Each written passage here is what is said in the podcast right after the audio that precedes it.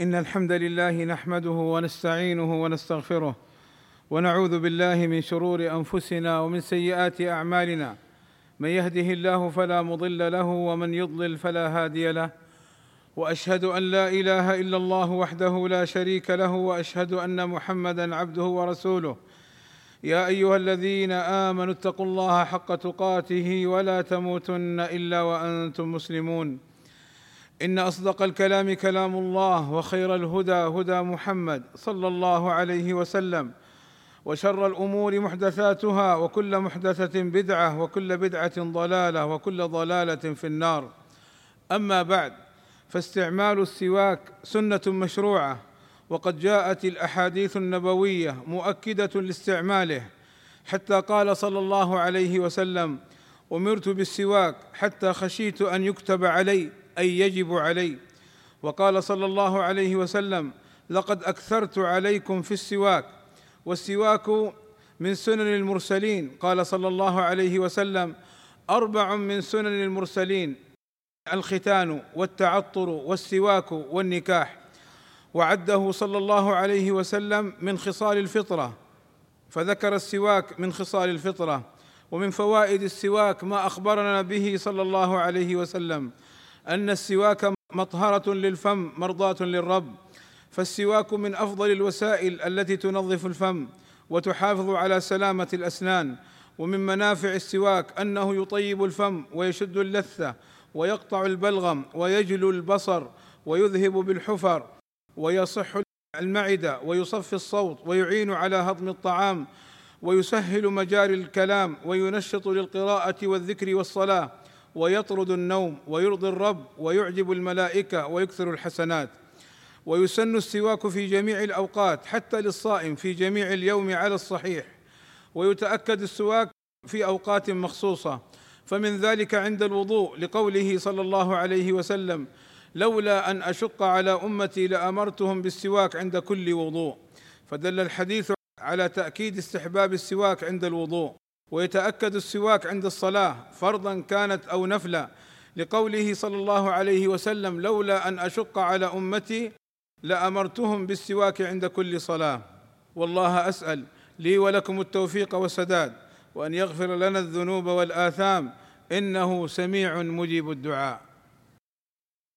الحمد لله رب العالمين والصلاة والسلام على المبعوث رحمة للعالمين وعلى آله وصحبه أجمعين عباد الله. يسن السواك عند دخول البيت. فقد سئلت عائشة رضي الله عنها وأرضاها بأي شيء كان يبدأ رسول الله صلى الله عليه وسلم إذا دخل بيته. فقالت رضي الله عنها بالسواك. ويتأكد السواك عند الانتباه من نوم ليل أو نهار لأنه صلى الله عليه وسلم كان إذا قام من الليل يشوص فاه بالسواك. أي يدلك فاه بالسواك وذلك لأن النوم تتغير معه رائحة الفم لتصاعد أبخرة المعدة والسواك في هذه الحالة ينظف الفم من آثارها.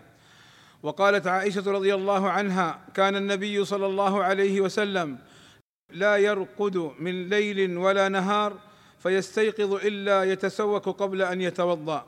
وكان صلى الله عليه وسلم لا يتعار من الليل أي لا يتقلب من الليل إلا اجرى السواك على فيه أي فمه. وكان صلى الله عليه وسلم لا ينام إلا والسواك عند رأسه فإذا استيقظ بدأ بالسواك. ويتأكد السواك عند قراءة القرآن لتنظيف الفم وتطييبه لتلاوة كلام الله عز وجل. قال صلى الله عليه وسلم طيبوا أفواهكم بالسواك. فإنها طرق القرآن ويسن السواك يوم الجمعة. قال صلى الله عليه وسلم إن هذا يوم جعله الله عيدا للمسلمين. فمن جاء إلى الجمعة فليغتسل وإن كان طيب فليمس منه. وعليكم بالسواك. عباد الله إن الله وملائكته يصلون على النبي. يا أيها الذين آمنوا صلوا عليه وسلموا تسليما. فاللهم صل على محمد وأزواجه وذريته كما صليت على آل إبراهيم. وبارك على محمد وأزواجه وذريته كما باركت على آل إبراهيم. إنك حميد مجيد. وارض اللهم عن الخلفاء الراشدين أبي بكر وعمر وعثمان وعلي وعن جميع أصحاب النبي صلى الله عليه وسلم. والتابعين لهم بإحسان وعنا معهم بمنك وكرمك. اللهم آتنا في الدنيا حسنة وفي الآخرة حسنة وقنا عذاب النار. اللهم فرج همومنا واكشف كروبنا ويسر أمورنا. اللهم اغفر للمسلمين والمسلمات والمؤمنين والمؤمنات الأحياء منهم والأموات. اللهم وفق ولي أمرنا الملك سلمان بن عبد العزيز وولي عهده الأمير محمد بن سلمان لما تحبه وترضاه. وأصلح بهما البلاد والعباد واحفظهما من كل سوء. اللهم أيدهما بتأييدك ووفقهما بتوفيقك. وأعز بهما الإسلام والمسلمين. وصلى الله وسلم على نبينا محمد وعلى آله وصحبه أجمعين والحمد لله رب العالمين.